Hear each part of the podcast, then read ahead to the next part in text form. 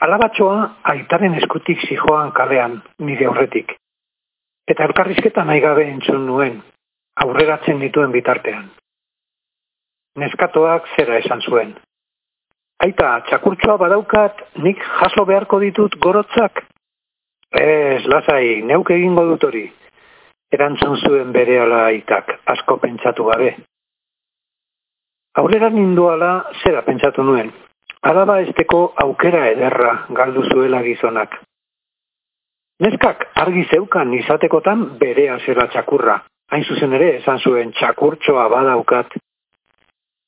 Aitak, neskari bere ardura baztertzea bideratzen zuen erantzun horrekin eta erraz asko gainera. Txakurra baduzu, ardura baduzula eta gauza desatzeginak ere egin beharko dituzula, irakaspen egokia da ume batentzat. Lagundu nahian, zeme alabei gauzak errazegi usten badizkiegu, ez diegu benetako laguntzarik ematen.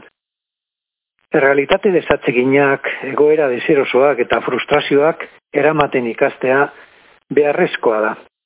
Bizitzak horrelakoak ekarriko baitizkie nahita ez. Beti babestua dagoen umeak, ez du ikasten bere indarrak neurtzen, ez da bere bitarteko ez ekiten ere. Edozein arazo gurasoek konpontzen badiote, ez du garatuko behar duen autonomia bere erabakiak eta bere bide propioa egiteko. Frustrazioa, naigabea eta nekea edozein gazteren edo helduren bizitzaren parte diren moduan, umearen bizitzan ere egon beharko lirateke, bere neurrian jakina. Esperientzia horiek primeran etorriko zaizkio, hain zuzen ere frustrazioa gestionatzeko, nahi gabea ondatu gabe jasateko, nekeari eusteko. Batzuetan, iruditzen zait, babesteko joera gehiagizkoa dagoela hainbat gurasorengan.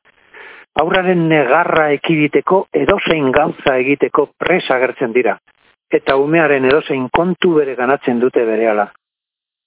Honetaz, jardun nuen aurreko batean amagazte batekin, Berak esaten zidan ez nuela ulertzen, asko asko maite zuela semetxoa. Nik ere semeak ditut, badakit zerren maitasun hori. Eta seguruenik nik neukinoiz, behar baino gehiago babestu ditut nireak.